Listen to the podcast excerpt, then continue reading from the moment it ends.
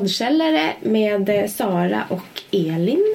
Och eh, ja, vi bollar över direkt till er. För det var ju ni som kontaktade oss. Berätta lite vilka ni är och varför ni kontaktade oss och vad ni gör. Eh, Jag heter Sara. Jag kontaktade Maria på Instagram, tror jag det var. Det var det. Eh, minns inte exakt hur det gick till men vi klickade väl lite grann därför att vi hade lite samma ämne. Då eh, drev jag en stödgrupp för vuxna barn till narcissistiska föräldrar och andra manipulativa personlighetsstörningar. Vi började prata och eh, jag nämnde att jag och Elin ville göra en podd. Och sen är det på den vägen tror jag. Eh, så vi träffades och Ja, och hur, hur träffades ni? Ja, det var... Jag kommer inte ihåg exakt processen men jag var med i den här gruppen som du hade startat eller som du var med i och sen vet jag, kommer jag inte riktigt Jag kommer hur ihåg. processen För gick. du headhuntade mig och så sa du vi ska starta en podd. Jaha, jag bara, det men så? Alltså gud, du ser alltså ditt minne. Jag hade Ja. inte tänkt en tanke på det men Nej. eh, det var, så, ja, men det var så jäkla bra. För Mm. att, eh, det var kanske ett, alltså något år sedan. Eh, sen har det liksom tagit lite tid att vi Mm. ska få upp det här och liksom få igång det. Vi vill ju eh, att det ska bli någonting kvalitativt. Så att, Mm. eh, nu, nu är bollen i rullning. Eh, och sen, ja, Mm. är det på den vägen. För ni båda har ju en förälder med narcissistisk personlighetsstörning kan vi säga och Mm. gärna då lite psykopati inblandat i det hela. Mm. Eh, min förälder har inga, vad jag kan se, liksom psykopatiska drag. Men det finns drag av borderline personlighetsstörning. Eh, och sen lite annat i den cocktailen också. Alkoholberoende, läkemedelsberoende. Jag tror att det var det ungefär. Vi får ju inga diagnoser på folk, eh, det har vi ju Mm. inte. Men ni båda känner igen tecknena och så att ni träffades i den här gruppen och nu Mm. känner ni så här, vi måste starta en podd om just det här specifika, liksom lite nischade, att just att ha en förälder. Alltså för mig handlar det om... För jag kan själv känna att jag har kommit ganska långt i processen att komma vidare, även om jag har långt kvar. Men jag känner att det är ingen som pratar om det här. Och när jag själv pratar med folk så är det liksom ingen som, ehm, som vet någonting. Eller, att- alltså, även om människor som jag har haft i mitt liv hela livet, så när jag berättar om hur jag har haft det hemma kan säga va? Det har vi inte sett. Alltså det, det är liksom det här osynliga liksom. Det är ingen som pratar om det på samma sätt som man kanske gör om att leva med föräldrar som har liksom mer tydliga så alkoholmissbruk eller drog. Det är ju inte mindre viktigt, inte det jag menar, men att det här som inte syns på samma sätt pratar man inte om, känner jag. Och jag vill att man ska göra det. Ja, vi märkte ju det när vi tittade på vår Instagram inför Mm. idag. Att det var ju otroligt många som kontaktade och ville liksom veta mer och verkligen och så här, "Men min mamma och min pappa och någon syster. Och det var, ja, så att det verkar ju verkligen vara väldigt många som, som verkligen delar samma historia med er. Mm, precis. Ehm, Så att vi har ju relationsbiten Mm. Ehm, men det är fortfarande lite samma symptom och de har lite samma tillvägagångssätt. Men det finns ändå mycket olikheter i det. Mm. Så därför tycker jag det är jätteintressant att ni är här idag. Och eh, det ska bli jätteintressant att höra era berättelser. Men för dig så var det Mm. din pappa. Mm. Precis. Och det är väl jag själv som, som du sa, satt liksom en diagnos på honom. Eh, för jag är väl också den enda, kanske framförallt i min familj, som har liksom satt in sig i det här. Och liksom, eh, vad ska man säga, på ett sätt kanske enligt min familj tagit med ett skada. Eh, men också eh, liksom ändå läst på om det här. Och då skulle jag säga att eh, det är liksom just det här narcissistiska eh, draget och eh, psykopati och även borderline som du sa. Men inga andra typer av liksom missbruk eh, så, utan det är just de tre liksom. Eh, det är ju svårt att ta det helt från början, det hör ju ihop liksom. Men eh, det mesta som jag kan prata om är egentligen hur det är idag. Men också kan jag ju se ehm, under processen idag att jag kan mer och mer koppla tillbaka det till barndomen. Eh, för att jag har inte så konkreta minnen från barndomen. Eh, jag kan inte gå tillbaka och komma ihåg hur jag kände eller vad jag tänkte. Utan det enda jag kan gå tillbaks till är egentligen konkreta kanske så flashbacks eller händelser som jag kan komma ihåg. Eh, och som så här, även, för jag har väldigt mycket drömmar och så på nätterna så det är även sådana grejer som kommer tillbaka. Eh, så jag kan egentligen börja från när jag kanske var 19-20 när jag blev vuxen liksom. För det var då det här eh, helvetet bröt loss när jag skulle bli vuxen. Eh, och allt kraschade för mig. Eh, jag började gå en psykolog eh, och jag, eller för att det började med att jag började gråta konstant i typ tre månader och jag visste inte riktigt varför. Eh, började gå till psykolog sen eh, och visade sig, trodde eh, hon då att det här var känslor som jag hade tryckt ner liksom, mm, eh, under min barndom och sådär. Eh, så det är väl den här främst mellan 2030 som jag liksom kan relatera till hur den resan har varit och så kan jag koppla tillbaka till små händelser från när jag var barn då. Så man kan säga att du egentligen förstod att någonting var fel först när du var 19 men att du sen när du går tillbaka kan se Ja, men precis. Processen började där. Eh, först förstod jag väl inte att det hörde ihop med min barndom. Liksom, för att det är väl kanske som... Jag har inget annat att relatera till. Eh, så här, det är mina föräldrar, det ska vara så här och sådär. Men sen, för jag började må jättedåligt när jag var 19 och har liksom varit deprimerad och hade haft ångest och allt sånt där sen dess. Och sen under den här processen så har jag insett att eh, kunna koppla ihop det med att ah, men det kanske inte var så bra hemma liksom. Och eh, också hur relationen utvecklades eh, med, med, min pappa då liksom. Eh, vår relation. Och i, även i samband med när jag gick till psykologen i två år eh, där fick jag liksom eh, reda ut typ allting eh, gentemot mina föräldrar. Så var det där som jag insåg att ah, okej, okay, det är inte mitt fel eller liksom sådär. Eh, så ja, det skulle jag säga. Eh, Men psykologen du träffade, kunde den personen säga till dig att förmodligen så har din far det här, de här sakerna så att du kunde liksom, mm. ja, komma in i just den här, jag är faktiskt en anhörig till en, en psykopat jo, eller en absolut. person. Eller... Kanske inte rakt ut men Nej. hon var väldigt bra på att så här, få mig själv att förstå det på något sätt. Så, där, liksom. Um, så absolut, det var nog där som det verkligen började och gick upp för mig och som jag själv började läsa på mycket och sådär. Och insåg att det nog uh, var så. Ja. Men du har inga minnen sådär? Du har lite flashbacks sa du, men du har liksom, när du tänker tillbaka på din barndom så är det ganska luddigt mm. då? De enda minnena jag har är väl kanske från så här, um, högstadiet, gymnasiet. Alltså så här, specifika liksom, eh, som nästan så filmsekvenser. Liksom, när någonting händer i relation med pappa, någonting han gjorde mot mig eller så här, jag kan inte komma ihåg hur jag kände. Jag kan få en känsla nu när jag tänker tillbaks på det. Um, men det är så här, ja, det är framförallt små sekvenser liksom. Hur han betedde sig. Um, och hur vi kanske exakt betedde oss i vissa situationer. Um, och så. som jag liksom ser så här, mm, snabbt i huvudet och sådär. Uh, eh, och jag kan komma ihåg hur vårt såg ut, hus såg ut exakt, så här, alla vrår och sånt liksom. Men uh, mer än så så vi flyttade också väldigt mycket under min barndom. Så det är liksom väldigt... Eh, ja, det är ett enda kaos. Från de där flashbacksen, kan du ge några exempel på mm. hans beteende? Ja, alltså det kan vara så enkla grejer från att... För att eh, generellt hemma så anpassade vi oss alltid efter honom. Så det kan vara så här, en sån simpel sak som att så här, vi är hemma med mamma Eh, Eh, vi har kommit, eh, vi, och allt är liksom, då är allting bättre, då är alla lite mer avslappnade.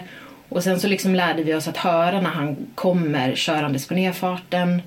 Eh, och då går liksom alla in i en annan stämning. Och när han kommer upp för trappan. Alltså så här, såna här sekvenser, liksom, hur alla ändras och hur hans tonläge och att man kunde direkt läsa av liksom.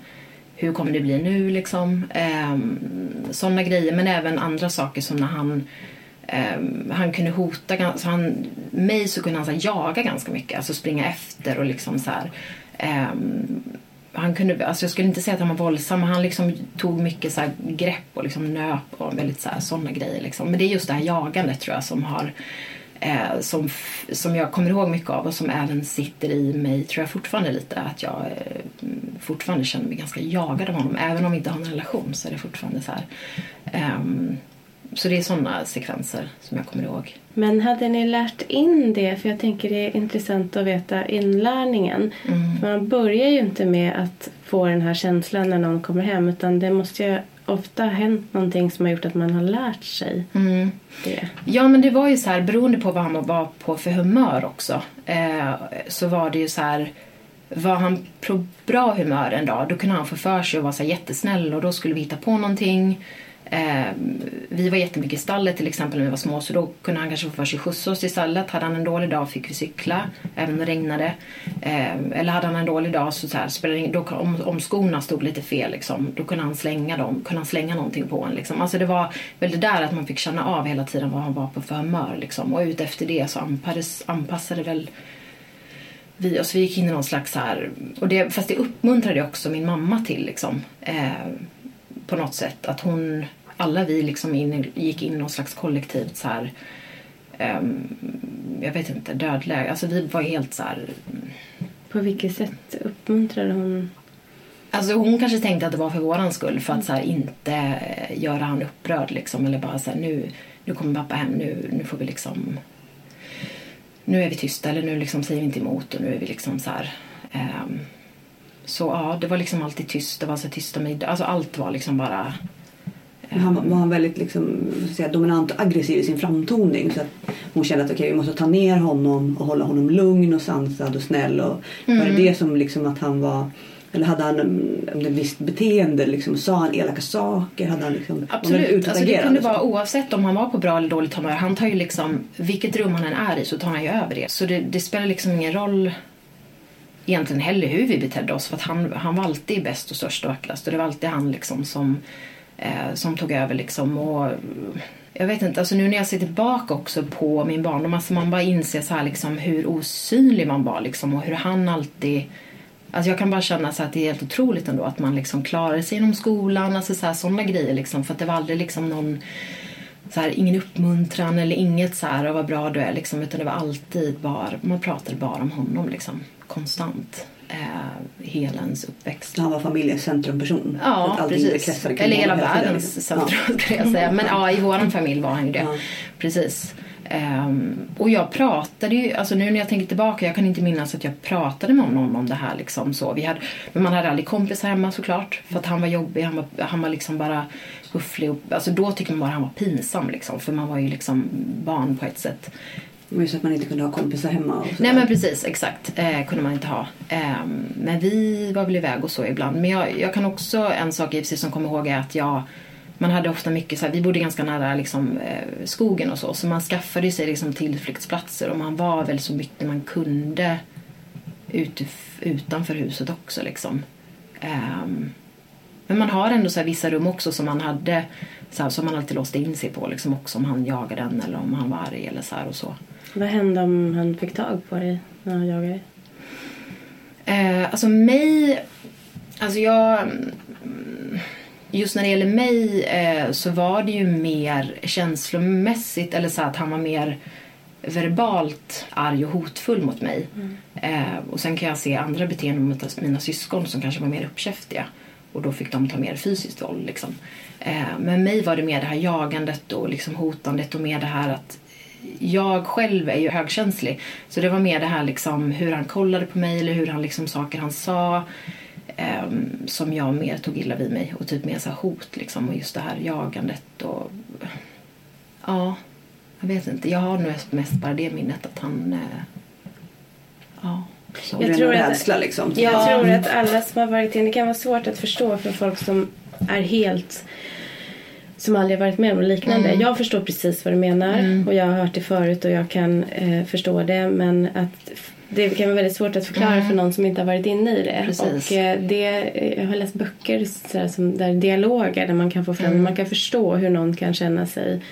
Eh, Men det är väldigt lätt för de här personerna Mm. att förklara bort sig för att de, man har inte så mycket konkret Mm. att ta på egentligen men man vet bara. Men de placerar liksom en känsla hos en. Och, så, och man vet nästan inte riktigt hur den kom dit alla gånger heller. Ibland kan det vara någonting de säger, det kan vara en blick som du pratar om, det kan vara bara hur de rör sig. Det är, som Linda säger, man, man kan liksom inte så här, det är skillnad om någon säger så här, du är äcklig, du är ful, du är dum i huvudet. Det är liksom konkret, det kan man ta på. Men det, de säger alla de här sakerna utan att säga det. Och de får en att känna det här och det blir så starkt. Och då är det så svårt att liksom parera det. Att det ja, nej, men de som inte har varit med om det de, de kan liksom inte ta in det och därför kan vi kanske känna ibland att man låter lite flummig när man pratar.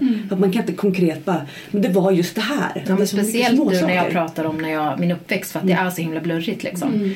Eh, Och för mig, alltså så här, jag kan koppla ihop saker i mitt huvud men det är svårt att liksom förklara det så här. Men, men på tal om det du säger nu, om jag ska koppla det till nutiden, just det här att ehm, jag kan, så här, jag kan sitta, alltså, just när jag är i samma rum som honom, så här, han kan få mig att känna på ett sätt som jag liksom, jag vet inte vad det är han gör men direkt kan han kolla på mig så blir jag så här liten liksom.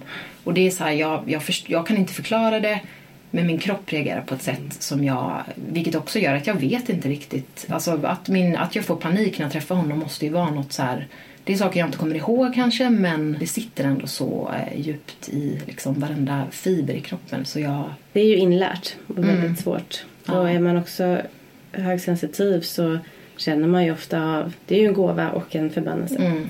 Ja. Men då känner man ju av när de kommer in i ett rum ja, ja, precis. hur det bara är. Verkligen. Det är mycket latent våld, tänker jag, eh, när du berättar. För att, eh, att det är liksom det här hotet om, och passiv aggressivitet och hot om, liksom, enligt tidigare händelser, att det var våldsamt. Att det liksom räcker med en blick så blir man helt förstenad liksom, av skräck för att man vet att tidigare har det här väckt en aggression. Liksom. Så att det räcker med att de tittar på en liksom, så är man helt... Och just det där när man, när man är i det här, man lever i en här situation, även om det är relation eller barndom, när man växer upp med de här personerna. Oavsett så, det här med minnena, det är liksom nästan, man pratar med alla som har varit utsatta, de, det blir en gegga av alltihopa. Och man kommer liksom inte ihåg saker. Som jag började prata om med julafton. Jag kommer inte ihåg att vi firade jul. Jag har varit om fan tillsammans i förut. 11 år med den där galningen. Jag kommer inte ihåg en enda julafton. Det är så här, allting blir som en ja, gegga. Och när man då ska sitta i en rättegång och ska berätta i så här kronologisk ordning. När slog han dig eller vad gjorde han det? Alltså det är så här, inte fan, jag kommer inte ihåg för det var så många tillfällen och det är så mycket som händer i huvudet. Och det, det blir liksom omöjligt. Därför är det liksom så svårt att sitta och återberätta också. Ja, För ja, att det är jättesvårt. det är liksom inte rättvist heller när man, man är i en situation där man ska kanske anmäla den här personen. Det blir omöjligt nästan. Ja, vi har inte ett rättssystem som klarar det riktigt än. Att, eh, ja. men, men jag tänker dina syskon. Eh, har ni pratat om det här liksom nu när du är vuxen ålder? Eller har ni... Absolut, det gör vi ju eh, konstant egentligen. Men vi upplever ju också situationer ganska olika. Eller alla har den här grundinställningen liksom så här, vi vet alltså att vi vi skulle kanske inte, alltså ingen av oss vill väl kanske egentligen ha en relation med oss, eller med honom. Eh, men det är nog jag är den enda som liksom har gjort ett så konkret, liksom så här, blockat honom, du kan inte ringa mig, alltså sådana grejer. Eh, de liksom kan ändå prata med honom ibland, de bor i samma stad liksom som honom. Jag har ändå varit så här, okej jag flyttar, eh, vi har ingen kontakt och sådär. Men vi pratar ju om det Absolut, jätte- jättemycket. Eh, även om vi inte alltid kommer någonstans här, liksom, men ändå bara liksom kunna lufta och bara liksom... För att de är på ett sätt också de enda personerna som kanske ändå kan förstå också, för vi har ändå haft samma... Eh, vi har haft samma typ av uppväxt, men också inser man att vi upplevt det så extremt olika. Eh, Varför tror du att du är den som har tagit det steget till att ta bort honom ur ditt liv? Också för att så här, jag har ju fått höra med hela mitt liv att jag är så känslig och jag är den här liksom personen som... Och jag tror också att han har... Eh, jag har alltid upplevt nu, i alla fall när jag blir äldre, nu vet inte hur jag var yngre, men att han har tytt sig till mig mer. Han är alltid mer på mig. Ehm, eh, och sådär. Eh, och jag tror att för mig hade jag inget val. Liksom. Jag var tvungen för att annars hade jag liksom gått under. Eh, sen så, alltså jag, jag har ju haft jättemycket dåligt samvete över det och det har jag ju fortfarande. Eh, men jag har nog försökt acceptera att, eh, att det alltid kommer vara så. Liksom. Eller jag vill det i alla fall. Att jag aldrig ska behöva se honom mer. Men det kommer jag ju behöva förmodligen. Men jag hoppas inte att jag ska behöva göra det. Varför Eh, har du dåligt samvete? Ehm, för att någonstans, alltså någonstans i min drömvärld så har jag någon tanke om att jag vill ha en relation med honom men jag vet att det går inte. Eh, nej men dåligt samvete över så här, vad är det för fel på mig eller varför kan mina syskon prata med honom ibland. Det kan vara så en liten kommentar från någon eh, som inte känner till någon situation som är så här, men så kan det ju inte vara mot din förälder. Jag vet, alltså jag vet inte var det kommer ifrån men det är väl något slags eh, ändå skuld liksom att att eh, han är ändå min pappa så här, han har ja jag vet inte alltså mm. När pratade du med honom senast? Um, vad kan det vara, ett och ett halvt år sedan kanske något sånt där men även om vi inte har kontakt så är han ju ändå så konstant påtaglig i mitt liv varje dag liksom Um, som jag sa nu precis när jag kom hit så har jag, har jag precis varit hemma i två veckor och hälsat på min familj. Och där är också så här, jag drar mig ofta för att åka hem för att jag är alltid lite rädd att när jag går på stan så kan han bara dyka upp liksom och så. För så har det varit innan. Att han liksom dyker upp och så ska han trycka in mig ett hörn och så ska han liksom prata med mig och sådär. Ehm, så det, det är alltid, jag är alltid lite ändå stressad och rädd när jag åker hem och sådär. Eh, och jag tänker på honom varje dag, jag har mardrömmar om honom. Så att det är så här, helt, jag blir inte helt av med honom ändå liksom. Eh, tyvärr. Och din mamma här i, i det här liksom, hur... Mm. Hon är ju, insåg jag väldigt tydligt nu när jag var hemma faktiskt, att hon fortfarande är väldigt medberoende och att hon fortfarande försvarar honom eh, framför oss liksom. Och fortfarande är så här... ja, men så här konkret exempel. Liksom. En, ett syskon som ska ha födelsedagskalas eh, och vi andra vill inte komma om pappa ska vara där. Eh, men det kan inte mamma förstå utan då är hon så här, kan inte bara skärpa er en stund. Alltså så här, sådana grejer att hon inte kan se att det blir eh, komplikationer. Hon kan fortfarande inte se eller förstå att vi, har, att vi mår dåligt över det här. Liksom. Um, och hon, han är fortfarande ganska så styrande över henne. Han kan köra utanför hennes lägenhet, ha koll på var hon är, ringer henne när han vill, kommer och knackar på och vill komma in och dricka. Alltså han är väldigt sådär, hon har fortfarande svårt att säga nej liksom till honom. Uh, det ser jag väldigt tydligt. Uh, tror du hon är rädd för att säga nej? Um, jag tror fortfarande att hon är i den här mentaliteten som vi hade hemma. Att så här, det är ingen idé. Liksom. Han, det är bäst att vara tyst liksom, för att det blir bara bråk. Alltså typ så, tror jag. Um, tyvärr. Och hon har blivit väldigt likgiltig. Liksom. Hon är väldigt sådär... Jag känner ju inte min mamma speciellt bra för att hon är ju själv också väldigt eh, förstörd ser jag ju liksom. Eh, och vi som syskon har ju försökt pusha henne att så här, du får gå och prata med någon för att vi orkar inte bära det här åt dig. Liksom. Vi kan inte ha en relation med dig om du är så här. Eh, men hon är väldigt likgiltig och väldigt så här, ja men då, då kan väl jag lika gärna gå och dö liksom. Eller då kan jag väl lika gärna så här. Alltså hon är väldigt sådär, hon bryr sig inte om någonting. Så det är väldigt sorgligt också att se att hon eh, hon är verkligen inte på vårens sida eller om man ska säga, om, om man ska säga så. Så ni har inte pratat egentligen? Alltså, kan ni, vi kan absolut inte prata om det här. Det nej. Inte, liksom. nej, nej, nej. Hon, hon, hon, hon liksom kollar åt andra. Alltså hon, nej. Eh, och det har han också på något sätt nästan valt att inte göra för att jag är rädd också som att jag inte känner henne så är jag också livrädd för att hon ska liksom på något sätt eh, gå sönder framför mig. Mm. Eller att hon ska öppna upp sig för jag vet inte hur jag ska hantera det. Eller jag är så här, jag känner att det, jag, jag klarar inte jag vet inte, det är jättesvårt. Um, så jag har nog lämnat det där. Liksom. Vi kan ses ibland och prata men jag, jag orkar inte ta hennes liksom, så. Mm. Då kommer vi till, till en fråga som vi skrev, eller som ni mm. har skrivit lite också. vad är din största rädsla? Vad var och vad är din största rädsla? Gentemot honom? Eller? Ja, eller rädsla ja, runt honom. Alltså min största rädsla är ju att vara, alltså att vara i samma rum som honom. För att då, då liksom... Jag kan ha, så här när jag pratar med mina vänner eller när jag sitter för mig själv, jag kan ha så mycket så här eh, konkreta eh, alltså stapla så här, det här ska jag säga till honom, här står jag, liksom, han ska inte bestämma över mig. Eh, och kan vara verkligen stå på för mig, eller stå upp för mig själv. Men sen när vi hamnar i samma rum så blir jag Alltså jag får panik liksom. Jag får panikångest, jag, jag blir pytteliten och han är här uppe. Eh, och som jag sa innan, det att han kollar på mig liksom, så bara går jag sönder. Liksom. Så det är ju min största rädsla överhuvudtaget att vara i samma rum som honom. Liksom. Och det är det jag flyr ifrån typ varje dag, liksom, att jag ska slippa det. Eh, jag önskar att, han, jag, att liksom, jag aldrig behöver träffa honom mer, liksom, för han tyvärr betyder ingenting för mig, liksom, känner jag. Eh, och han, ja, så jag vill bara att han ska hålla sig borta. Liksom. Men hur känner du för att prata om det jag tänker, idag? Liksom? Mm. Hur känner du när du liksom berättar om det här? Och liksom, men nu, jag vill ändå försöka påverka och hjälpa andra mm. i det här. Liksom, hur, hur känner du här? Liksom? Jag, har, alltså jag känner mig ändå, det är inte jobbigt så. Eh, man kan ju aldrig veta innan liksom vad som kommer upp eh, och hur man ska känna. Men jag har pratat så mycket om det så jag känner ändå att jag det känns bra liksom. Um, sen blir det ofta efteråt så här, man har ont i huvudet liksom, och man känner sig helt uttömd. Liksom. Um, men att prata om det tycker jag är väldigt skönt. Liksom. Uh, det tycker jag inte är jobbigt. Um, absolut inte. nej.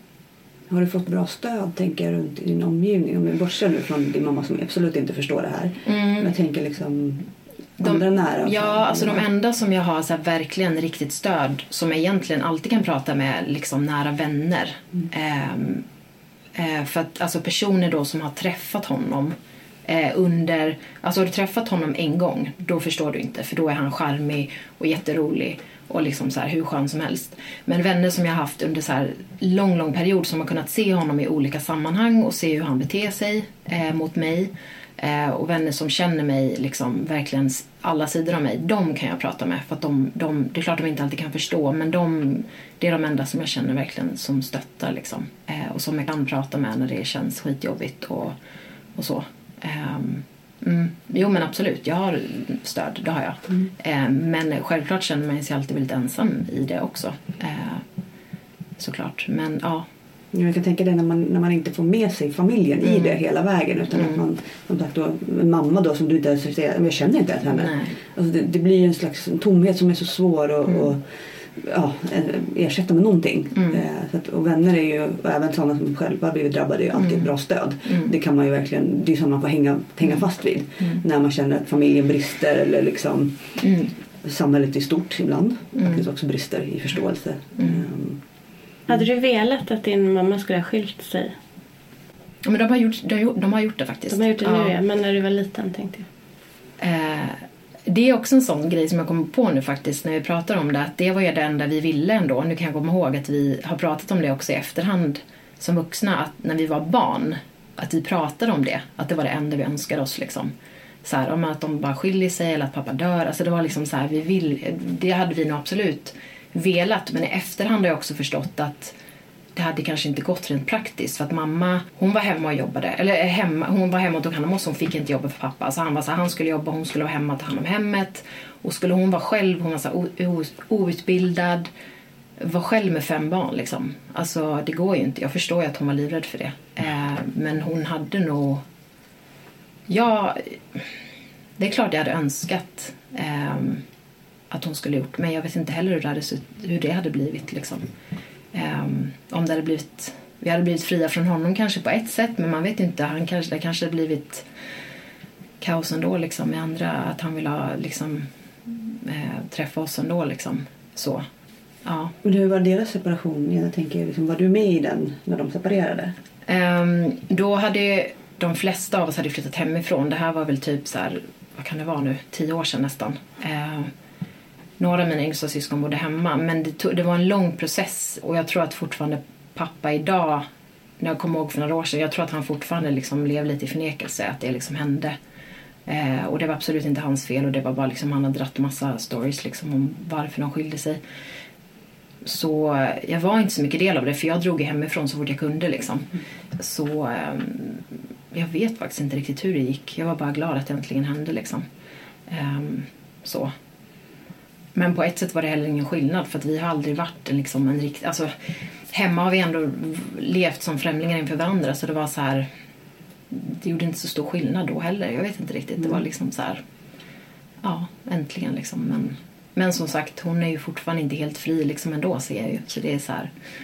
Det är sorgligt. Ehm, Så det blev ingen livsförändring på henne egentligen? Utan det, Nej, alltså mm, jag har ju inte gett upp. Alltså jag känner ändå att hon är ändå en förälder som förhoppningsvis kan vi ha en bättre relation. Det är ändå inte kört på samma sätt med henne. Och det, jag ser att det blir bättre, lite, lite bättre liksom, att det går framåt med henne. Men jag känner att Um, ja, jag vet inte. Alltså i min värld så har jag ju inga föräldrar liksom. Och det har jag ju aldrig haft. Um, så jag har nog på något sätt förlikat mig med det. Eh, och blir det bättre så är det liksom positiv överraskning.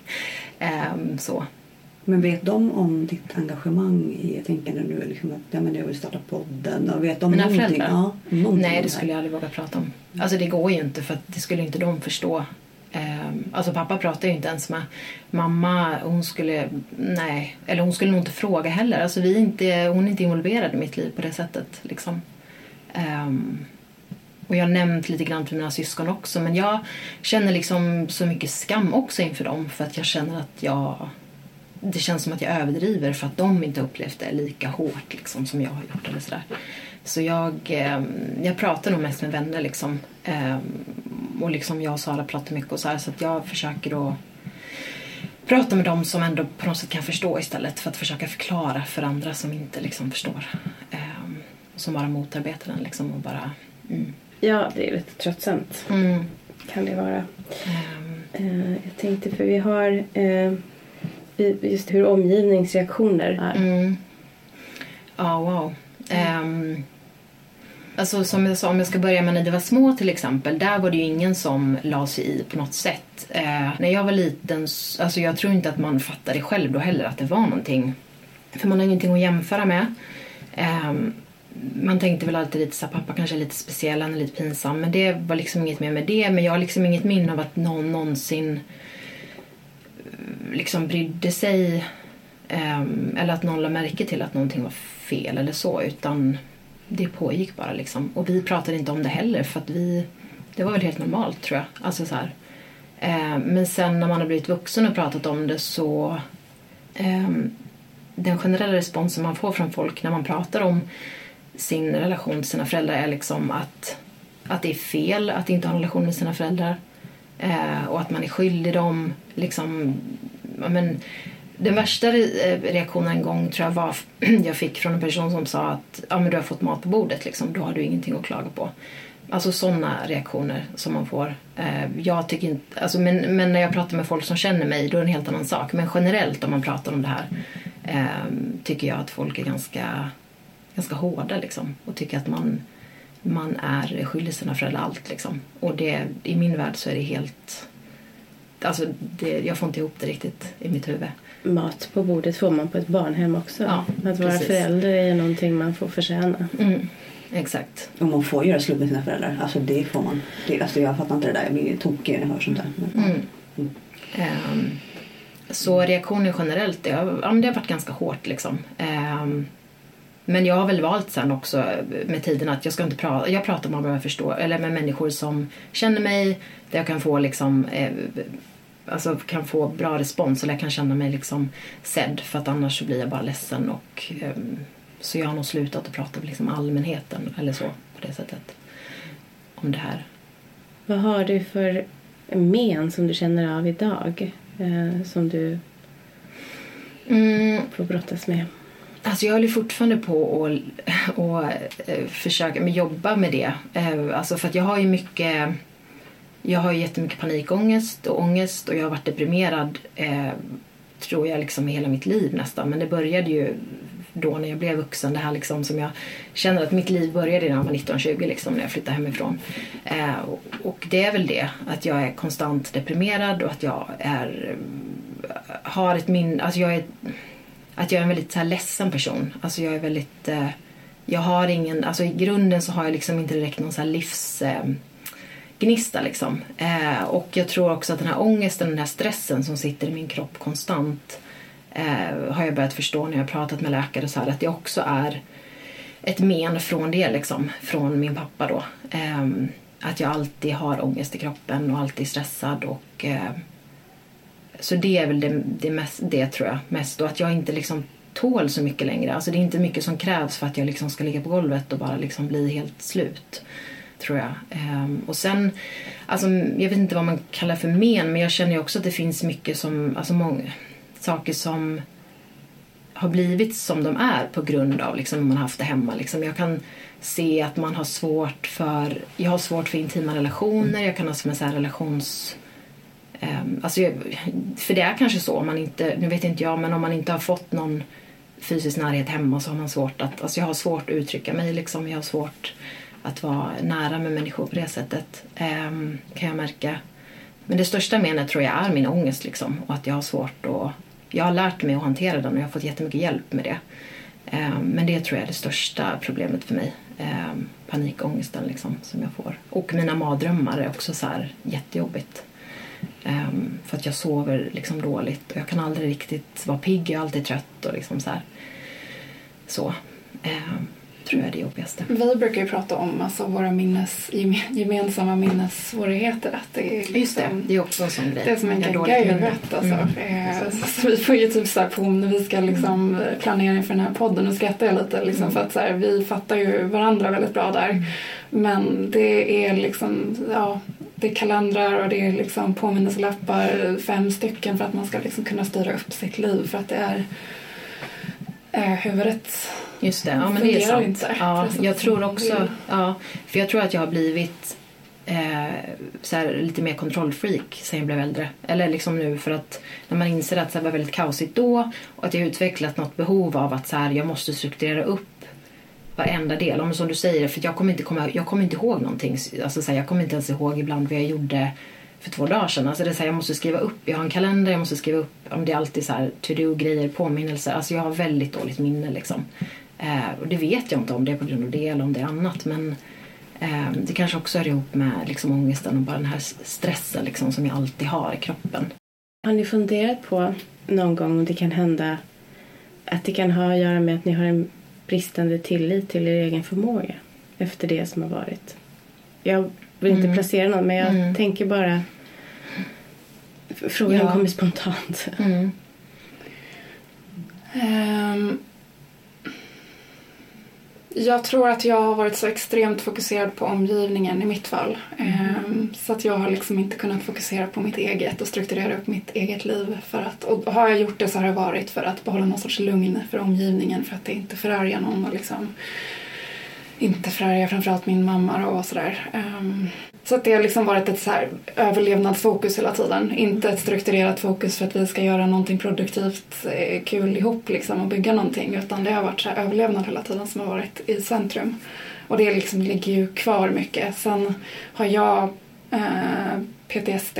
Jag vet att det påverkar när jag har sämre perioder så har jag ännu sämre minne och jag, får, liksom, jag kan få hjärnsläpp mitt i en situation och mitt i en mening och liksom får ha nära vänner som får liksom fylla i meningar och ord som jag bara tappar helt plötsligt liksom för att jag, jag vet att jag har ordförrådet, jag vet att jag kan, jag vet vilket ord jag letar efter men det bara försvinner liksom. Ehm, Det där känner jag igen. Samma. Ja, Mm. eh, och det är särskilt i stressade, stressade situationer för det är som att man går runt med en konstant liksom, liten latent stress inombords och har man då någonting annat som stressar en liksom, till vardags liksom, så, så är det som att så här, då slutar min hjärna, det blir kortslutning i min hjärna liksom. Eh, det är som att, jag känner ibland som att så min hjärna är så bränd så att den liksom vill inte det är så jag kan liksom formulera eller relatera till det, att den bara stänger av liksom. Eh, Den blir överhettad. Eh, Typ så. Mm. Ehm, när vi har pratat om minnessvårigheter så vet jag att vi, liksom, vi har relaterat mycket till varandras liksom, vardagssituationer och så. Ehm, ehm, så att det är ju tyvärr ett vanligt symptom på eh, PTSD och eh, traumatisering på det sättet. Varför jag frågar är ju för att man är utsatt för sådana här personer så vill ju de väldigt gärna få en att känna sig dum i huvudet och hjälplös och andra sådana saker så att man har lätt att tappa tilliten till att man klarar av saker och ting. Jo men det kan nog känna igen för att man har ändå fokuserat. Jag kan se mig själv fortfarande idag också att jag fokuserar mycket på min omgivning hela tiden.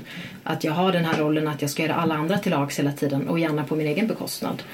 Och att jag har märkt också att jag har väldigt mycket självförakt och jag ser, jag liksom har nog inte riktigt alltså försonats för mig, med mig själv liksom, vilket också såklart, det är ju inte bra. Liksom. Det märker jag att folk även kan säga till mig, att jag liksom skiter fullständigt i mig själv. Och det är ju, alltså, det, det är väl kanske för att jag alltid har levt mitt liv så, liksom. anpassat mig efter någon annan och inte blivit speciellt uppmuntrad eller liksom på något sätt fått någon bekräftelse på att jag finns. Liksom. Och då är det klart att man, så jag menar jag inte att det är ju ens eget ansvar att bygga upp det, men jag, jag jobbar ju på det, men jag absolut ser ju att jag ehm, jag gör allt för alla andra eh, på min egen bekostnad hela tiden. Liksom.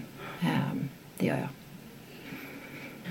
Ska vi gå över lite på, på dig och dina upplevelser? För här pratar vi om en pappa och i ditt fall så pratar vi om en mamma.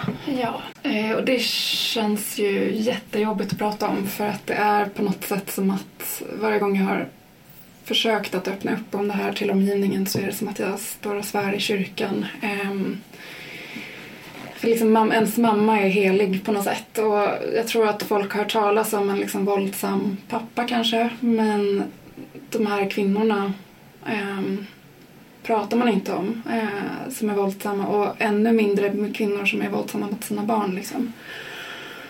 Eh, så att då har, när jag har öppnat upp om det så har det ju varit mycket skuldbeläggande på mig och att jag överdramatiserar och att jag borde eh, lös, lösa dramat. Att det är, jag som, det är jag som har förstorat det här dramat. Eh, för att Särskilt när jag var yngre, eh, nu är jag 29 år, men när jag var, när jag var 19-20 så jag relaterar mycket till det Elin berättade. Så, eh, det var ju, det, då var det en flykt för mig när jag gick fortfarande i gymnasiet men jag, jag kunde inte liksom vara kvar hemma och liksom flydde hemifrån och så, eh, flyttade. Um, och försökte jag då söka stöd från omgivningen så var det liksom som att men nu, du är en ung tjej som överdramatiserar. um, ehm, så det är jättesvårt att prata om en, en våldsam mamma. Eh, men det är också därför jag är här idag. För att det, det finns våldsamma kvinnor också. Eh, kvinnor som brukar våld. Eh, och vi måste börja prata om det. Vad hände när du var liten? Vi pratar om att det är svårt med minnen och sådär. Ja. Men att bara några exempel för att vi ska förstå mer. Vad, vad kunde din mamma göra allmänt? Eh, ja, och det där är ju också väldigt triggande för de värsta, alltså min, hela min uppväxt är ju som en svart hål liksom. Jag, de andra minnen jag har är ju liksom flashbacks som kommer till mig eh, och, utan att jag har bett om det liksom till vardags, att de dyker upp lite här och var. Eh, så att jag kan liksom inte riktigt berätta om min barndom med en röd tråd. Jag har inte fått hjälp att bearbeta det från liksom vården eller så, så att jag har liksom inte jag har inte bearbetat det helt enkelt och kan inte ett liksom, sammanhängande sätt berätta om min barndom. Men liksom, de flashbacks som jag har, som har dykt upp liksom, många gånger, det är ju att jag minns väldigt tydligt att jag gömde mig väldigt mycket. Jag känner igen det från, från eh, när Elin berättade också. Att, att jag kommer ihåg allting från lägenheten där vi bodde. Liksom, exakt hur allting såg ut, vilka möbler, vilka tavlor alla liksom vrår och vart man kunde gömma sig, alla gömställen och så. För att det var liksom det som var prio på något sätt. Eh, jag har fått en sån flashback i vuxen ålder om att jag gömde mig i att vi hade i vardagsrummet liksom två soffor som stod eh, parallellt liksom mot ett hörn och så var det ett litet, litet så här, sidobord. Eh, om man tänker ett lågt sidobord. Eh, och jag brukade liksom gömma mig under det här bordet och nu kan jag inte jag förstå hur man får plats under ett sånt litet bord. Men det var liksom där var det mörkt. Jag, jag brukade komma undan men sen hittade hon mig där så att jag kommer ihåg det var mycket liksom det förekom ju fysiskt våld men det värsta var ju det här psykiska våldet och trakass, alltså, trakasserier och förolämpningar, eh, passiv aggressivitet.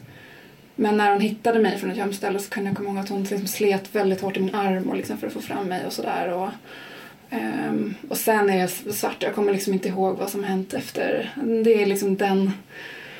Det är en flashback på några sekunder kanske att jag gömmer mig och sen så hittar de mig. Det är liksom det jag kan komma ihåg. Um, men det har varit så här, generellt sett, det har varit mycket fokus på sjukdomar i min familj och liksom jag fick ju aldrig någon uppmärksamhet alls. Jag var ju um, det kunde ju liksom variera i uppmärksamhet. Jag kunde få uppmärksamhet när jag var väldigt, väldigt liten för då var jag liksom som en liten docka som min mamma kunde klä upp mig. Eh, jag, var, jag finns bara till fortfarande eh, som en förlängning av henne. Så jag finns bara till för att liksom eh, för att för att vara en förlängning av henne och för att göra henne glad och för att och nöjd. Eh, jag är inte en egen person eh, så enligt henne. Eh, så när jag var väldigt liten så, så var det mycket att hon skulle klä upp mig i fina klänningar och sånt där och då blev hon ju väldigt arg på mig när jag var ute och lekte i sanden och sådär och fick liksom smutsiga händer. Så att ett problem jag har idag är ju att jag tvättar händerna väldigt mycket och ofta för att jag, eh, ja men jag eh, det var ju ilska liksom om jag smutsade ner mig så att jag har en rädsla för att liksom smutsa ner mig och så. Ehm, det var extremt mycket fokus på att jag när jag var sjuk då skulle det förstoras och även när jag hade blivit frisk så var det mycket prat om när jag hade varit sjuk och de, de gångerna. Det var liksom allting hon ältade till alla i omgivningen och när Sara var så, hade vattkoppor när hon var fyra år och då, alltså, det kunde hon säga när jag var liksom 15. Folk går vidare och är glada när man har blivit frisk men hon, för henne var det att det liksom det ständiga ältandet om de här sjukdomarna och det var så mycket mer synd om mig än grannbarnet som hade vattkoppor liksom, eller klasskompisen som hade vattkoppor. Det spelar ingen roll, det var liksom alltid värst för oss. Och hon har ju också eh, en fysisk sjukdom som hon ältar jättemycket och är väldigt eh, vad ska jag säga, eh, offerkofta kring en offerroll i den här sjukdomen som hon har. Eh, och med det sagt så vill jag inte liksom ta, alltså inte, jag menar inte att inte respektera eh, hennes fysiska sjukdom men det är det här hela tiden att glorifiera och förvärra det som är liksom fysiskt sjukt. Och det finns, det kan jag se i hela min släkt att så här, min, min moster och mina kusiner drabbas av det här också för att då sitter man kring, jag vet att vi har suttit liksom släktmiddagar eh, hos min mormor och morfar där liksom, det är här hela den här problematiken kretsar. Så att då sitter de runt matbordet och skryter om vems barn som har varit värst. Alltså mig, mig eller mina kusiner liksom, som har varit eh, mest sjuk senaste åren och liksom att det är en tävling hela tiden vem som är mest sjuk. Eh, och jag var borta väldigt mycket från skolan. Eh, hon tyckte ju aldrig att skolan var något viktigt. Det var liksom inget viktigt att jag skulle lära mig någonting eller att jag hade ämnen i skolan som jag skulle hänga med i. Eh, så att det, jag var hemma väldigt mycket med min mamma liksom. Eh, och det, det minns så jag vet lärarna ja, de, frå, de ställde väl frågor om det men hon hade alltid en bra förklaring så, att det, så släppte de det liksom. Um, så att jag var väldigt bunden liksom med min eh, morsa rent fysiskt att jag var, var hemma mycket med henne och eh, jag fick ju ta hand om henne liksom och ge henne kaffe och sådär på morgonen för att det var hon som var fysiskt sjuk. Så att hon, hon, det var ju offerrollen liksom. Eh, så att jag fick ju sen alldeles för tidigt liksom ta hand om min mamma och vara hennes förälder liksom. Eh, Bodde du ensam med din mamma? Eller? Nej, um, vi, jag bodde med min pappa och min syster. Min pappa har ju alltid haft väldigt mycket fokus på sitt jobb och så han jobbade långa dagar och när han var hemma så tänkte han bara på jobbet. Uh, han är han är och liksom har hela tiden varit gift med min mamma och Eh, det är, alltså, det är väldigt sorgligt. Jag blir väldigt ledsen när jag tänker på det. Att han är väldigt liksom nedbruten av henne och är starkt, starkt medberoende i hennes problematik. Och har liksom... Han kan gå så, så långt för att försvara henne att han trakasserar mig liksom för eh, om jag försöker lyfta någonting. Eh, jag har ju brutit kontakten med min mamma i perioder men, men under hela mitt vuxna liv i princip merparten har varit att jag har liksom haft noll kontakt som, som man säger i de här kretsarna. Eh, Sen så har det varit perioder när han har försökt eh, övertala mig om att men vi försöker igen och hon dricker mindre nu så du behöver inte vara orolig och sådär. Och jag vet ju att hon kommer ju dricka hela livet. Hon har ju ingen vilja att sluta. det liksom, hon tänker ju bara på sig själv och så. Så att det, det där lyssnar inte jag på men jag gjorde det liksom av dåligt samvete och, och mm, gentemot min pappa då. Um, så att då försökte vi ha kontakt igen. Det slutade med att han um, kom, på den tiden pluggade jag i Uppsala. Uh, han kom hem till mig och berättade för mig att du kommer inte klara av studierna. Um, och det är så som de jobbar liksom i ett team att bryta ner mig, att jag är inte en egen människa.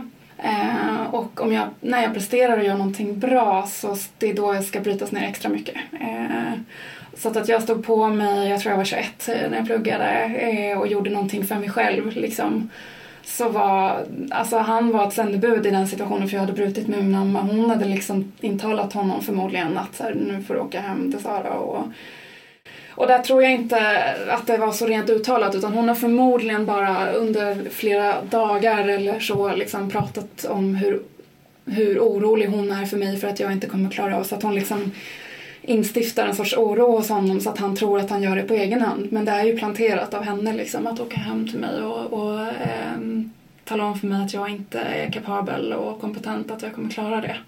Som jag har, det livsvalet jag har gjort liksom. Eh, och jag blev väldigt nedbruten av det. Eh, de fick som de ville, jag klarade inte av studierna för att jag ehm, jag blev så chockad, eh, överraskad. Trots allting som har varit under hela tiden så var det liksom, det här var som att så här, är de ens kapabla till det här, mina föräldrar liksom. Eh, när jag såg, det var så tydligt när jag såg mina liksom kursare och hur, vilket stöd de fick från sina föräldrar. De åkte hem och hjälpte dem att flytta möbler och grejer till studentlägenheten och kom och hälsade på och liksom eh, var gladde sig åt att så här, barnen har hittat, eller barnen, men, men eh, deras vuxna barn har hittat någonting och, eh, kul att göra med sitt liv och alltså de firade det liksom.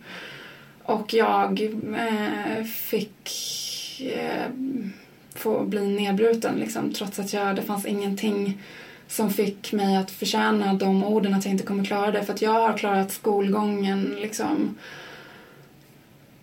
relativt bra med tanke på, liksom, mot bakgrund av allt dramatik hemma och allt hemma så, så har jag haft ganska bra betyg. Jag var väldigt skoltrött i gymnasiet men jag gick ut gymnasiet med bra betyg och jag tog körkort. Det, det finns liksom ingenting reellt att ta på som, som gör att jag inte skulle klara av eh, att göra någonting av mitt liv. Eh, men när man hör ens egen förälder säga en sån sak till en så jag, jag tror att det är svårt liksom att föreställa sig. Det är ju skillnad om någon på gatan hade sagt så till mig. Då hade jag skitit i det. Men, men man är i den åldern också så är man ju liksom fortfarande väldigt här, bunden till att men, mina föräldrar har ju rätt liksom och, eh, och så.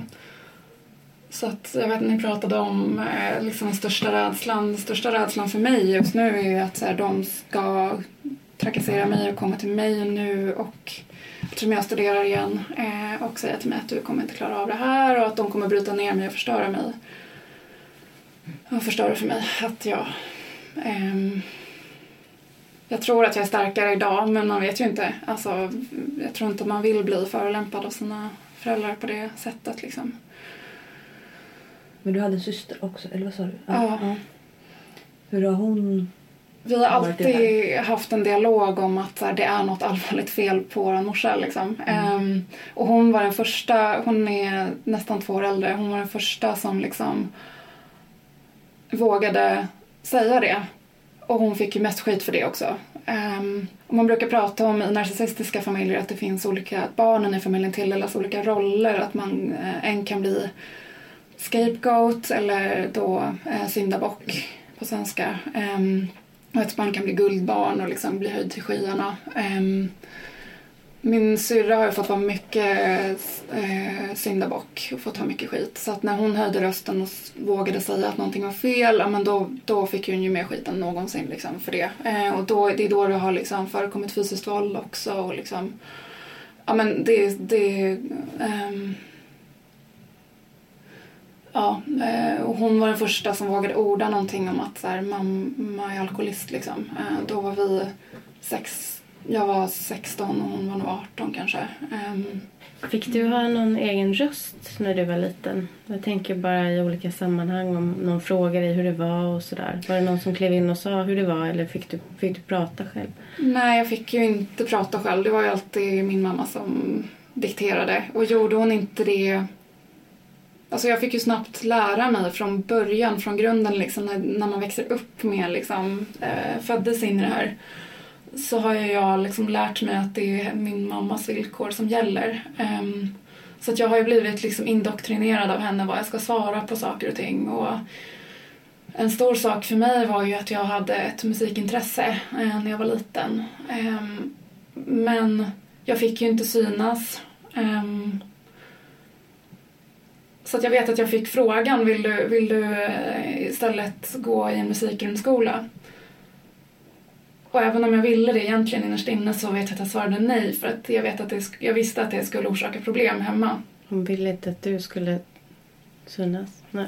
Nej, jag fick ju inte synas och liksom växa och bli, bli en egen individ. Liksom. Eh, Jag skulle bara vara en förlängning av henne och ta hand om henne i princip. Eh, finnas till för henne. Och det kan jag tycka är sorgligt att jag fick inte vara en egen person förrän jag tror att jag var kanske, men det var först när jag hade brutit kontakten med henne som jag liksom började våga så här, okej, vem är jag liksom? Eh, jag är ju också en person liksom. Eh, och inte gå efter det här som hon har doktrinerat in mig till att vara. Eh, och det var ju mycket skit också om att så här, jag, jag är också högsensitiv precis som Elin berättade. Eh, och jag fick ju också alltid höra att jag var överkänslig och liksom Ja men det var ju mycket skällsord på det sättet. Ehm, och var det, inte, var det inte rena skällsord rent ut så, så var det ju mycket passiv aggressivitet. Så det var ju alltid att jag kände, kände av jättemycket när jag liksom klev innanför dörrmattan hemma. Liksom. Vad är humöret idag? Ehm, att man blir, så här, man blir hyperalert på det och det kan jag känna fortfarande att jag är väldigt alert på hur omgivningen ser ut eh, i ett rum. Ehm, och det var mycket så här, är hon full idag? Har hon druckit? Eh, kommer hon få ett utbrott på mig? Eh, är det lugnt? Kommer hon bara ignorera mig? Ehm, Kunde det vara bra dagar där du kände där du fick känna något lugn som sen de drog undan mattan för dig? Eller var det mer eller mindre dåligt hela tiden? Det kanske är svårt att minnas men jag tänker om du har någon känsla av det. Det var nog mest liksom dåliga, alltså bra dagar. Det var väl när hon kanske ignorerade mig och att jag eh, skötte mig själv. Liksom. Men jag kan tänka så här i efterhand som vuxen att så här, det fanns ju sällan jag lagade ju mat vid spisen alldeles för tidigt. Liksom. Jag vet inte om jag tycker att det är okej att en liksom, sex eller sjuåring står och liksom, eh, använder spisen själv. Och liksom, så det fanns ju... Min pappa såg alltid till när han kom hem från jobbet och lagade mat och styrde upp och städade och tvättade. Liksom. Um, så att ut, utifrån sett så såg ju allting funktionellt och bra ut och sunt ut. Liksom. Men det var ju mycket att jag fick klara mig själv. Liksom. Um, och det var väl kanske, jag tycker att det var en bra dag när jag lämnade fred och inte behövde gömma mig liksom. Um. Tycker du att du börjar hitta den du är idag? Ja, och framförallt är det liksom som att, att eh, det har jag tagit jättehårt på det genom åren att omgivningen har reagerat som att så här, nu får du skärpa dig gentemot mig. Att jag, inte, att jag har brutit kontakten med min mamma, att jag borde liksom kontakta henne igen, att jag är överdramatisk och sådär. Att jag känner att eh, ehm, jag bryr mig inte så mycket om det. Alltså jag har lite så här no fucks till gud nu känner jag. Mm. folk får väl tycka det och jag känner att jag, låter som Elin berättade också, att jag, ja, men då pratar, de som tycker så får tycka så. De väljer kanske inte att prata med om detta. Eh, det är välvalda personer som jag liksom egentligen pratar med om, om det här. Um, och eh, ja, jag har jag jobbar med att, att våga liksom vara mig själv för att jag vet vem jag är men jag vågar inte jag, jag upplever fortfarande att jag måste gömma mig. Um, för att jag vet, min mamma har ju stalkerbeteenden, inte på så sätt att hon kommer hem till mig och följer efter mig liksom till vardags utan hon stalkar mig på nätet och kollar vad jag gör. Så att jag måste hela tiden gömma Eh, att jag studerar till exempel. Jag har liksom gömt det för, för alla som jag kan i princip. Och, och jag måste dölja det samtidigt som jag studerar en utbildning där det är bra att marknadsföra sig själv och göra så att jag jobbar med att ta plats liksom. Ehm, men det är väldigt ångestladdat för att det kan riskera att jag liksom får trakasserier på grund av det. Så att det är delvis PTSD som gör att jag liksom reagerar med hela kroppen, kroppsliga symptom på den här rädslan men också reellt att så här, hon, det, det har funnits förut att hon har, hon har försökt klanka ner mig så att det kan hända igen. Så att det, jag måste liksom lära mig att hitta strategier och hantera det för det är så verkligheten ser ut för mig. Du har accepterat verkligheten men ska landa i den nu också? Ja, ehm, och ta plats liksom. Mm. För att jag, alltså jag måste leva mitt liv liksom. Mm. Hur kan hon ståka, vad kan hon säga när hon kommer med gliringar och saker eller är det rädslan för att hon ska göra det för att du vet att hon har det i sig? Eller? Framförallt i och med att vi inte har kontakt längre så kommer hon inte med trakasserier gentemot mig för hon vet att jag kommer inte svara i telefonen. Jag har bytt telefonnummer, jag har bytt stad, jag har bytt namn. Eh, hon, hon, hon kan fortfarande hitta när hon vet var jag bor och så men men hennes, hon vet att det finns ingenting att hämta där i att försöka kontakta mig direkt utan då kontaktar hon istället hela vår gemensamma släkt. Liksom. Mm. Eh, så att hon, jag blir väldigt sårad när hon pratar illa om mig till min farmor till exempel för att vi har en väldigt fin relation. Ehm, och hon är så skicklig så att folk, även de som vet bättre och är kloka människor liksom lyckas ju tro på det. Att skulle hon då säga att så här, hon har tagit reda på att jag studerar och att det går dåligt för mig. Mm.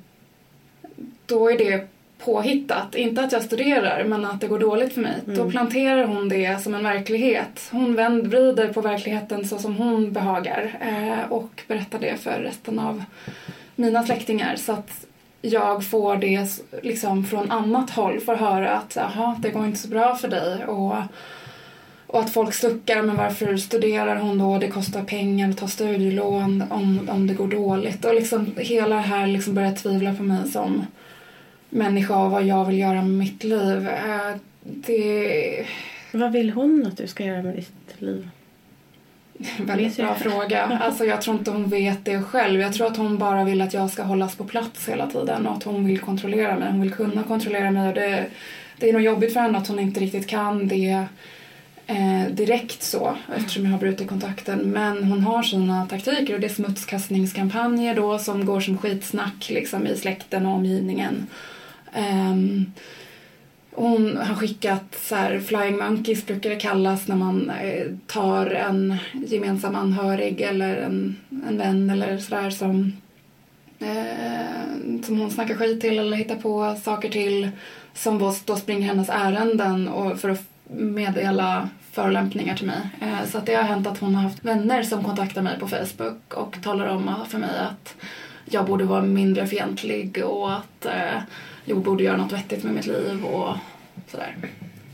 Det här är ju verkligen inte din sak att veta och det vet vi inte heller. Men har du någon tanke om varför hon eh, har det här beteendet överhuvudtaget?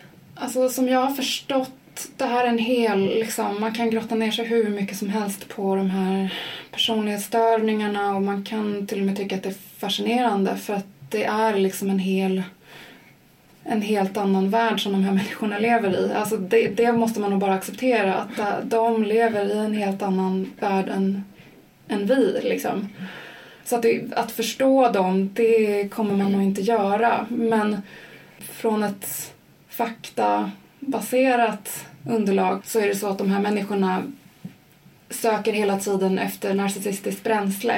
Eh, men narcissistiskt bränsle, att de, de, de lever sitt liv genom att liksom de mår egentligen väldigt dåligt inombords i sig själva och har mycket ångest. Eh, så att det de lever på dag till dag är liksom att eh, få ut det här bränslet från andra vilket kan vara att trycka ner andra eller förhöja sig själv. Så att det kan vara alltifrån att de går in i ett rum på en fest och bara pratar om sig själva och liksom ingen annan får säga någonting för att det är de som ska prata om sig själva. Eh, då får de narcissistisk energi och bränsle från det. Eh, får de inte det, får de inte den här wow, uppmuntran och alla tycker du är fantastisk, men då går de på och är trakasserade istället och eh, är aggressiva. Um, trycker ner för att om de kan trycka ner någon annan då förhöjer de sig själva liksom. Mm. Eh, och jag, jag kommer aldrig förstå hur man kan göra så mot sitt barn. Um, Nej, men det har ju rätt att vi kan aldrig, vi kan aldrig förstå dem. Det, det är som vi försökt förstå mm. Vår psykopat och det, tryggheten i det är ju att man, vi tänker inte lika. Vi har inte samma känslor. Så det går inte heller, för det upplever jag att många offer eh, försöker, ja men varför gör den här personen så här mot mig? Vad är det? Och det gör den inte. Mm. Den gör det inte mot dig. För det mm. har ingenting med dig att göra egentligen överhuvudtaget. Mm. Det här är ju någonting som är totalt skruvat. Du kan inte jämföra dina känslor med den här personens känslor. För det är, mm. Det är aliens. Mm. det är, men det är ändå just det här att vi försöker Ja. Vi försöker förstå. Mm. Eh, ja. Förstå dem ändå. Men det är för att vi är empatiska varelser. Mm. Det är ju inte de. Mm. Och jag har ju absolut varit, alltså hela den här bryta upp-processen, det är liksom en process i olika stadier och jag har ju varit i det stadiet ganska länge att jag har liksom sökt svar och velat liksom på våran empatiska sätt, mm. eller vi människor som, som normalt sett känner empati och liksom förstår andra, kan liksom förstå andras känslor och se andras känslor och liksom eh, känna empati med det. Alltså, jag har försökt förstå det ur vår världsbild eh, och söka svar i varför gör min mamma det här mot mig. Men jag har liksom kommit liksom försonats med att det, det finns inte hos henne för att hon är sjuk. Liksom. Mm. Um, jag saknar ju inte, alltså jag, jag kan känna lättnad varje dag för att jag inte, liksom varje dag när jag går upp på morgonen att så här, jag slipper henne mm. eh, i mitt liv så gott det går. Alltså jag, jag, känner henne som en liten djävul bakom mig hela tiden för jag vet att hon har koll på mig. Och mm. även om jag har brutit kontakt så vet jag att hon har koll på mig. Um,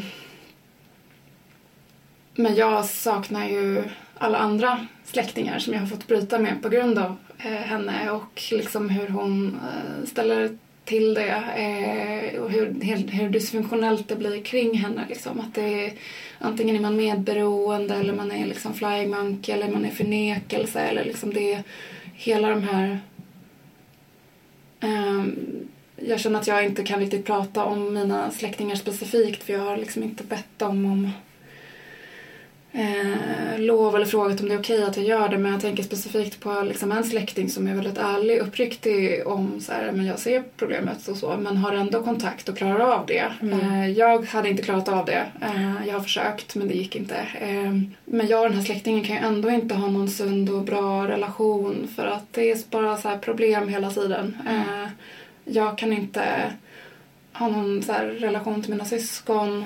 Så att jag, jag kan inte ha, jag har brutit med mina morföräldrar. Jag har låg kontakt med en stor del av släkten.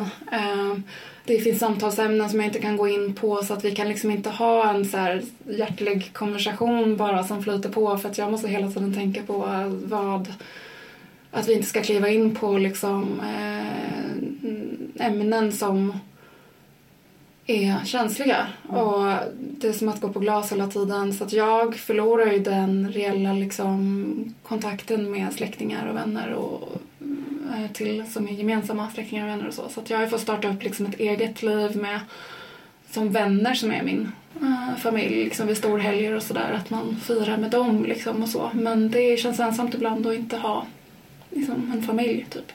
Jag förstår det, men det är väldigt, väldigt många som har det så. Och man lyfter sällan fram det som vi pratade om Mm. off, off record förut. Mm. Att, att det är den här fina familjelyckan som är högt uppe och egentligen så är ju de flesta någonstans mitt emellan. Ehm, s- så det är, ju, det är ju vanligare än vad man tror. Men vi har den här idealbilden och den ställer ju till det för oss också. Och det gör ju att man håller ut i både förhållanden och släkter och, och föräldrar och alla sådana saker. Och den är ju viktig att bryta egentligen. För det är ju normen mer. För ni pratar om dåligt samvete Mm. båda två. Då är frågan vad är norm i det och vad är, Mm. vad är vad? För det är psykologer säger, de, de vi har pratat med i alla fall, så, så är det ju att det enda som hjälper är ju att klippa banden. Mm. Det är det enda som gör att du kan bli hel igen. Det är ju att kapa totalt.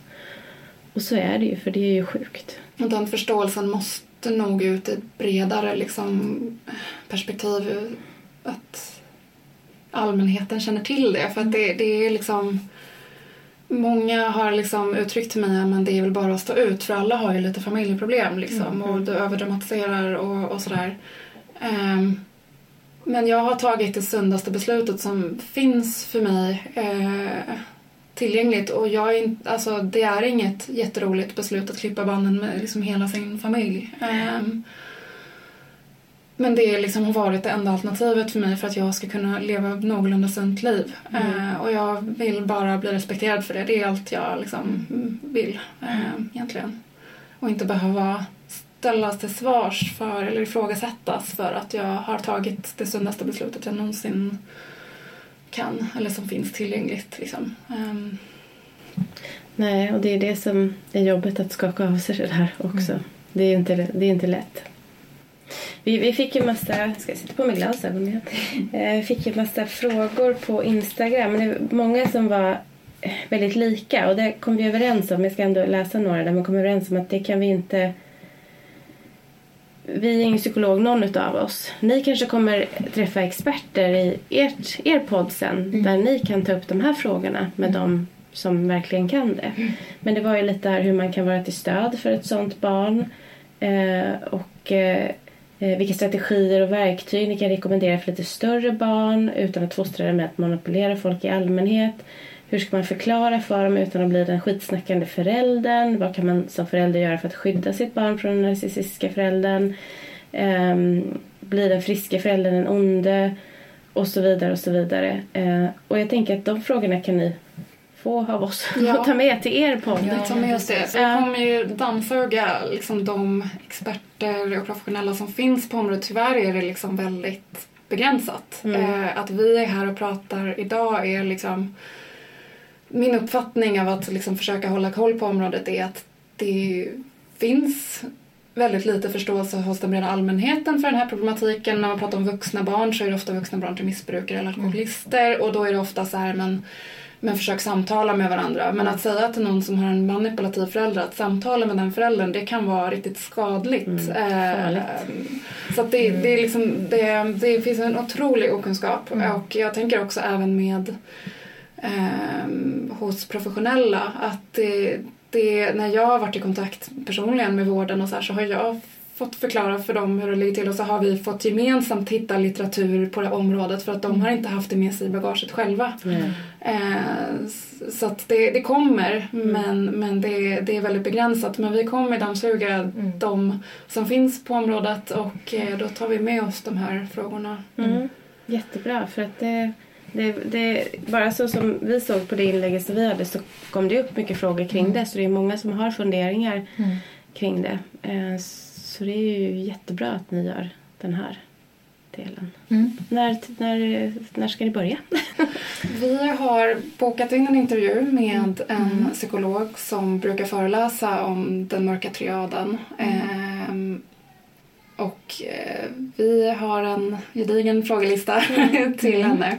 Eh, som vi kommer släppa lite mer information om lite längre fram. Men eh, vi kommer under hösten eh, sätta igång och vi har avsnitt planerade långt fram. Eh, för det finns så mycket Ja, att ta på. Ehm, så att eh, vi hoppas på lite tålamod.